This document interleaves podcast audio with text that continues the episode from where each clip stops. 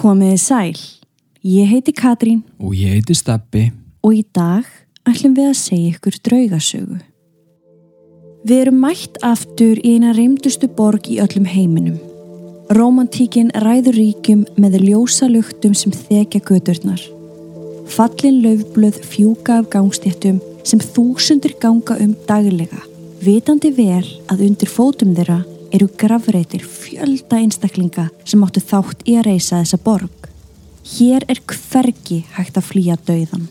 Minnisvarðar látina og líkamsleifar þeirra er í öllum görðum og torkum. Hvert einasta hús á sér sögu og hvert og eitt einasta hýsir fleiri en bara þá sem eru lifandi. Eitt húsið á sér þó hræðilegri sögu en önnur.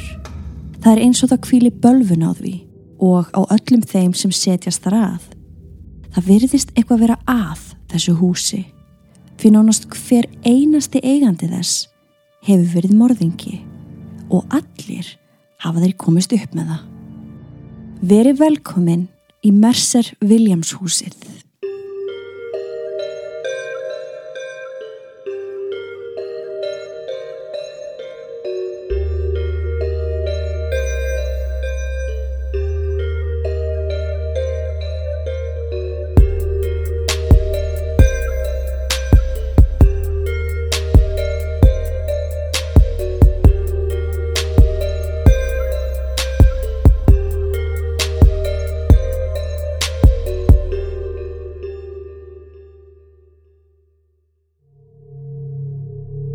Við viljum minna á að draugasögunar okkar eru ekki við hæfi barna yngri en 13 ára nema með leifi fullorna.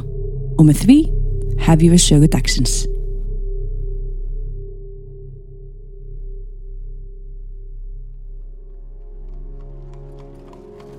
Við byrjum söguna á Hugh Mercer hershöfðingja sem að let reysa húsið.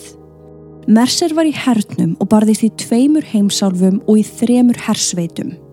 Hann fætist í Skotlandi og ætlaði upprunnulega að verða læknir en hann læriði mitt læknisfræði í háskólanum og starfaði sem aðstóðar skurðlæknir í einhver tíma. En herþjónustan hafði alltaf einhver tök á manninum svo hann snýri alltaf aftur. Í mars árið 1747 flytur hann svo til Pennsylvania og þar fær hann það hlutverk að leiða her í stríð fremstur í flokki. Það skiptir ekki öllu máli hvaða stríðan var að fara í eða hvernig líf hans var á þessum árum. Það sem okkur finnst áhugaverðara er hvað hann var að gera á hliðalínunni þegar enginn sá til. Já, Mercer var nefnilega að stela peningum frá hernum og var í óða önn að láta reysa hús fyrir sig í Savannah. Hugmyndin var að eftir stríðið mynd hann setja stað í húsinu og átti þetta hús að endurspegla hversu flottur og ríkur maðurinn var. Þetta á viðnast um allar sögurnar. Þetta er svona mikil mennsku brjálaði alltaf í öllum svona sögur. Já. Það er líka talið að hann hafi verið nánast samvisku laus. Í miðjustríðinu smalaði hann til dæmis sex mönnum inn í tjald og skaut þá alla. Hverju þessi menn voru, já það skiptir kannski ekki höfumáli, en við vitum allavega á meðan Mercer var í stríðinu þá drap hann marga eins og gengur og gerist. Það er líka sagt að Mercer hafa átt marga þræla Já. og noti þess að myrða þá gömlu þegar hann kefti sér nýja þræla. Ætla að sé ekki bara til sérstakur staður í helviti fyrir svona menn. Jú. En eftir stríðið þá var Mercer gjaldþróta og hafði því ekki efni á að flytja inn í húsið sem að hann hafði látið byggja í öll þessi ár. Þannig að þó húsið sé nefnt í höfuð og honum þá bjó aldrei neitt með Mercer nafninu í því. Hann stegi ekki einu sinni fæti inn í það. Á söðvestur horni Monterey Square við 429 Bull Street stendur þetta tignarlega hús sem kallar á aðtegli frá gangandi vegfarendum. Hlaðið með rauðbrúnum múrsteinum á alls þremur hæðum, auk útihús sem áður hýsti hesta og vagna. Húsið er stórt með fallegri lóða framaverðu sem skartar lágu stálgreindverki að háum vegg sem hlaðin er sömu múrsteinum og húsið og alveg upp að hestúsinu. Húsnæði eigna sér heila húsa lengju, engöngu útaf fyrir sig. Já og til þess að toppa þetta allt saman Þá er líka talið að húsi sé byggt ofan á gravreitum savanabúa sem að letust úr gulusótt á átjöndu öld. Mm.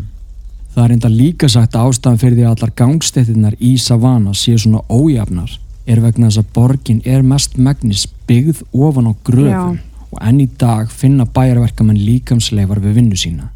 Það er ekki af ástæðalausu sem Savana er sögð verið að reymdasta borgin í bandaríkjunum. Ég veit það og við verðum að heimsækja hana. Við bara verðum, við þurfum að heimsækja annarkvært hús. Já, einmitt, og innan við fimm mínútna fjarlægð frá þessu húsi Mm -hmm.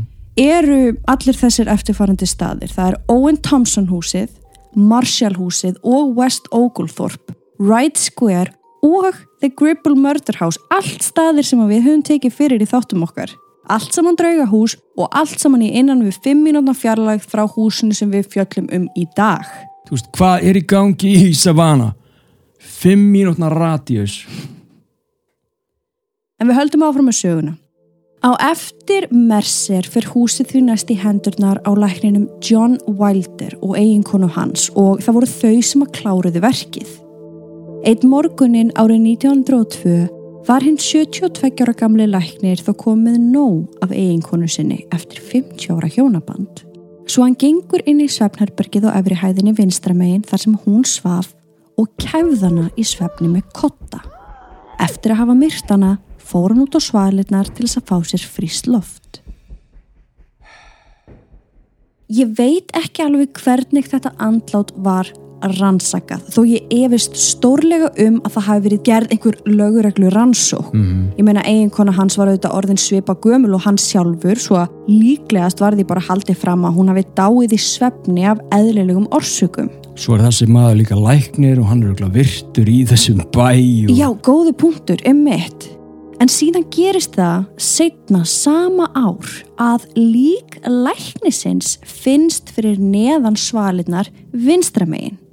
Þegar þessi saga er sögð þá eru 120 ár síðan að læknirinn dó og engin veit í rauninni hvernig hann dó, þú veist, hvort hann hafi framið sjálfsvíg með því að henda sér af svölunum, hvort hann hafi runnið til og að þetta hafi verið hörmulegt slis eða hvort að mögulega þarna hafi látin eiginkona hans verið að ná fram hemdum. Skulum allan að hafa þessa sögu bak við eira nú þegar við köfum aðeins dýbra í söguna. Mm Mörgum árum síðar, eða árið 1969, eignuðust The Shriners húsið, þar sem þau opniðu O.D. Temple and Bar. The Shriners eru frímúrara félagasamtök og svona bræðralag.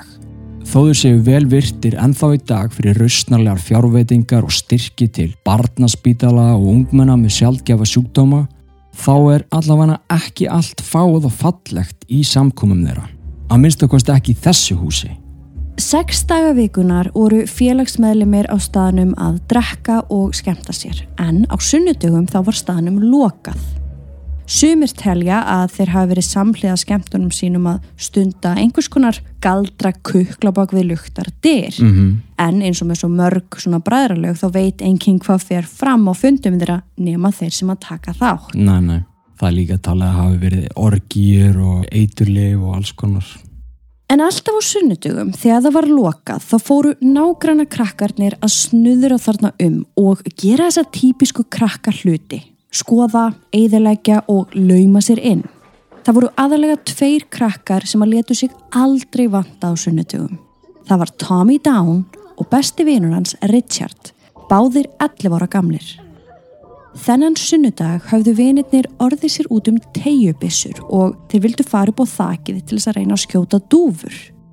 Á einhverjum tímapunkti í leiknum þarna upp á þaki letu þeirri vinirnir hvorn á annan og þeir voru báðir hlæjandi. Nefn að síðan sér Richard hvernig andlit vinar hans verður alvarlegt á svip. Það var eins og einhver væri... Fáðu aðgang að yfir 350 þáttum, rannsóknum okkar, sönnunagögnum, viðtölum, mymböndum og okkar geysi vinsalu mánudags mínisögum ásamt alls konar aukaefni. Allt saman strax við skráningu. Engin binding og meiri sem sér app fyrir alla þættina til að auðvelda þér aðgengið. Það er auðveldar en þú heldur, svo eftir hver ert að býða. Vilt ekki vita hvernig sagan endar?